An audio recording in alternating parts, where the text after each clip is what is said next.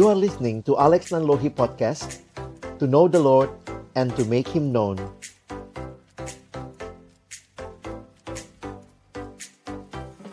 Berkatilah ya Tuhan baik hambamu yang menyampaikan Semua kami yang mendengar. Tuhan tolonglah kami semua Agar kami bukan hanya jadi pendengar-pendengar firman yang setia Tapi mampukan dengan kuasa Dengan pertolongan dari rohmu yang kudus. Kami dimampukan menjadi pelaku-pelaku firman-Mu di dalam kehidupan kami, di dalam keseharian kami. Bersabdalah ya Tuhan, kami umat-Mu sedia mendengarnya. Di dalam satu nama yang kudus dan berkuasa, nama Tuhan kami Yesus Kristus, Sang Firman yang hidup. Kami menyerahkan pemberitaan firman-Mu. Amin.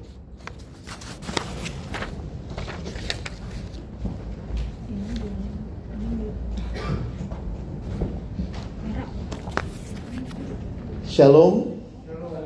Selamat siang Bapak Ibu, Saudara yang dikasihi dalam Tuhan Yesus Kristus. Kita bersyukur kesempatan ini Tuhan berikan bukan sebagai sebuah rutinitas belaka, tapi kesempatan kita juga boleh datang memuji memuliakan Tuhan, berjumpa dengan Tuhan secara pribadi.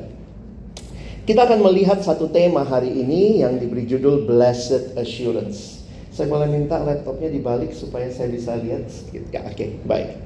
Saya akan mulai mengajak kita melihat dalam satu ayat. Mari kita baca sama-sama Yohanes 3 ayatnya yang ke-16. Bukan ayat yang baru, tapi ini sesuatu yang kita tentunya sudah hafal ya. Mari sama-sama kita membacanya. Satu dua ya.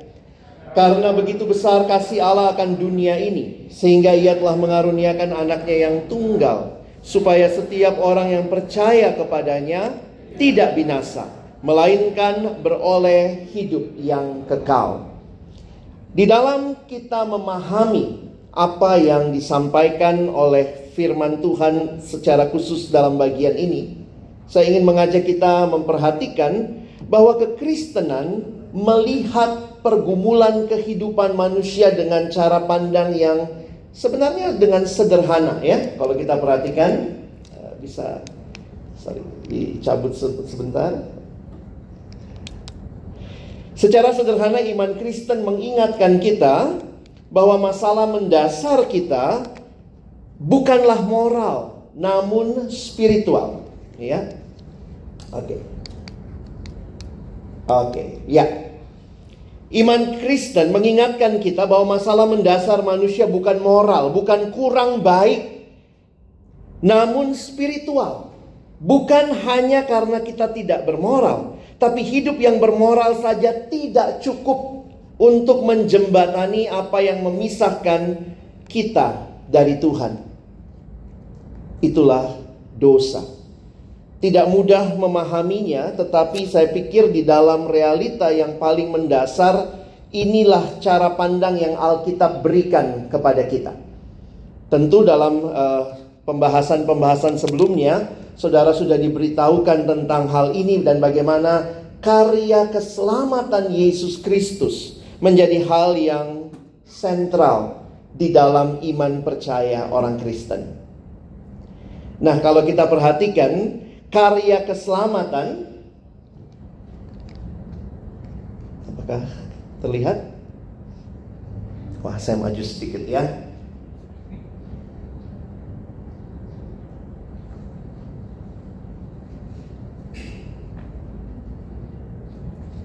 Karya keselamatan adalah anugerah Allah semata-mata, bukan karena perbuatan baik kita. Ketika kita memperhatikan apa yang Allah lakukan di dalam karya anaknya Yesus Kristus, saya menuliskan demikian. Dosa telah dikalahkan di kayu salib. Kematian Kristus merupakan dasar pengharapan kita, janji bagi kemenangan kita. Sehingga kalau saudara memperhatikan salib dalam kekristenan merupakan satu-satunya jalan keselamatan. Dan salib itu memberikan tujuan yang baru bagi kehidupan manusia. Salib adalah cara Allah untuk menyelesaikan pergumulan dosa manusia. Perhatikan, di dalam kepercayaan yang lain, keselamatan dimengerti percaya pada kemampuan diri sendiri. Jadi kalau kita bicara apa yang dipercayai ya, kamu lakukan ini, lakukan itu supaya selamat. Jika demikian, maka siapa juru selamatnya? Ya kita sendiri dong. Kalau kamu karena melakukan ini dan itu dan kamu selamat, maka harusnya siapa juru selamatnya? Ya diri kita. Karena apa yang kita lakukan yang menyelamatkan kita. Tetapi Alkitab memberikan pemahaman kepada kita bahwa bukan demikian. Keselamatan di dalam kekristenan adalah kita percaya pada apa yang Yesus lakukan bagi kita. Bedanya sangat mendasar. Bukan apa yang saya lakukan bagi Kristus yang menyelamatkan, tetapi apa yang Kristus lakukan bagi kita, itulah yang menyelamatkan kita. Sehingga kalau hari ini kita bicara blessed assurance, kita sekarang dalam dunia yang penuh ketidakpastian. Tetapi hari ini kita bicara sebuah kepastian yang mulia. Blessed assurance maka kita tidak melihat kepada apa yang kita lakukan yang tidak bisa menjamin apa-apa. Hari ini baik, besok kurang baik, lusa baik lagi, lusanya kurang baik lagi. Tidak ada jaminan. Tetapi karena keselamatan adalah karya Allah di dalam pengorbanan Yesus Kristus yang mati dan bangkit, maka kita percaya bahwa jaminan itu ada. Nah, saudara yang dikasihi Tuhan, memang kalau kita perhatikan, kekristenan berbicara tentang keselamatan dalam karya Kristus itu sangat mahal harganya, tetapi diberikan secara cuma-cuma. Sangat mahal harganya, tetapi diberikan secara cuma-cuma.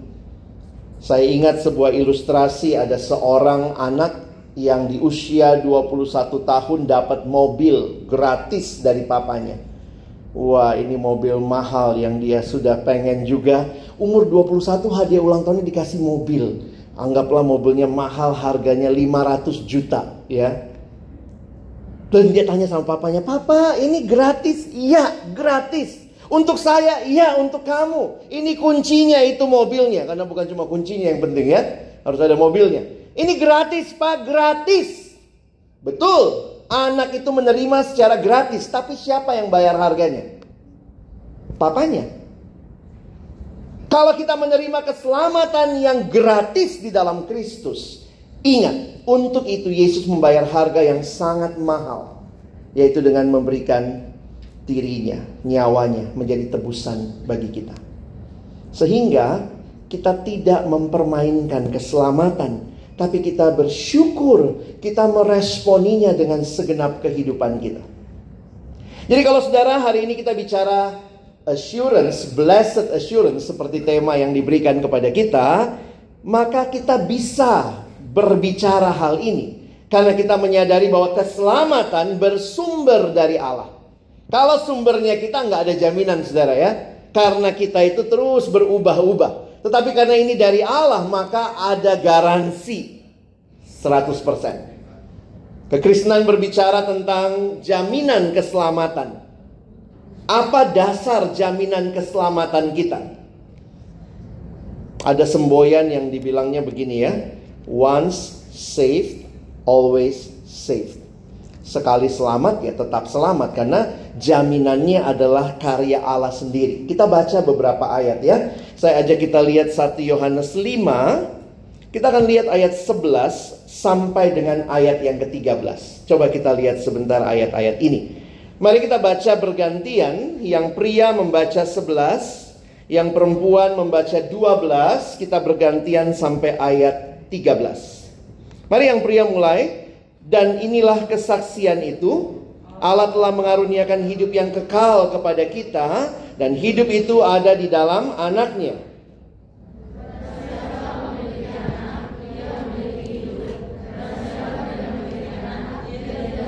Sama-sama.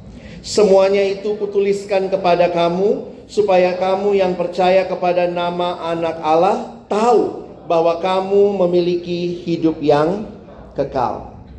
Kamu punya anak, kamu punya hidup. percaya pada Yesus, maka kamu punya jaminan yang pasti. Dan Rasul Yohanes menuliskan ini kepada jemaat untuk memberikan mereka satu pemahaman akan hidup yang pasti dan teguh. Semuanya ini itu kutuliskan kepada kamu supaya kamu yang percaya kepada nama anak Allah tahu apa yang kamu tahu bahwa kamu memiliki hidup yang kekal. Di dalam bagian lain kita membaca di dalam Injil Yohanes pasal yang ke-10 ayat 27 sampai ayat 29.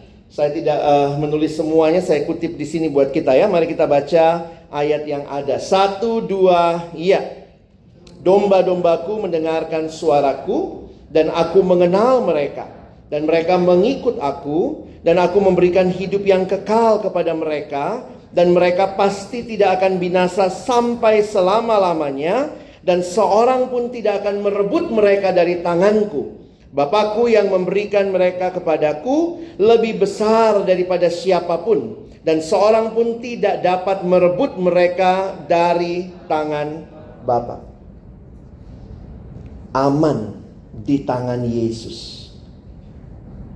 Kita melihat inilah yang Tuhan berikan janji bagi kita. Sehingga kalau kita hari ini berbicara jaminan, ini bukan sombong-sombongan. Wih, orang Kristen kok pede amat sih bahwa dia pasti selamat, diselamatkan oleh Allah. Karena Allah yang memberikan janji itu dan menggenapkan di dalam karya anaknya Yesus Kristus. Jadi jaminan yang kita miliki itu jaminan yang kekal. Dulu, sekarang, maupun akan datang. Dijamin, saudara. Nah, di sini muncul masalah. Ada yang nanya, terus kalau jatuh lagi dalam dosa bagaimana? Saya pikir saya harus berbicara itu supaya kita tidak jadi orang Kristen yang arogan dan tidak punya kerendahan hati. Bagaimana jika jatuh kembali dalam dosa? Di Alkitab juga disampaikan ada jaminan pengampunan dosa. Apa yang menarik tentang hal ini? Ketika kita jatuh di dalam dosa kembali, ingat, itu tidak membatalkan jaminan keselamatan. Ya. Itu tidak membatalkan jaminan keselamatan. Sama, ini ilustrasi sederhana seperti orang tua yang anaknya di rumah melakukan sebuah kesalahan. Maka waktu dia lakukan kesalahan itu, dia tetap anak, tidak ada yang berubah. Tetapi apa yang rusak? Nah, di sini kita mesti paham ya. Ketika kamu tinggal di rumah, anggaplah ada vas bunga mama yang sangat mahal, dibelinya dengan berbagai perjuangan, eh kamu hancurkan itu. Maka pertanyaannya, apakah kamu akan berhenti jadi anak? Tidak ya, tetap jadi anak. Coba lihat layarnya sebentar. Wajah saya muncul di situ ya. Yuk kita lihat 1 Yohanes 1. Oke. Okay. 1 Yohanes 1 ayat 9 kita baca sebentar ya ayat yang penting ini 1 Yohanes 1 ayat yang ke-9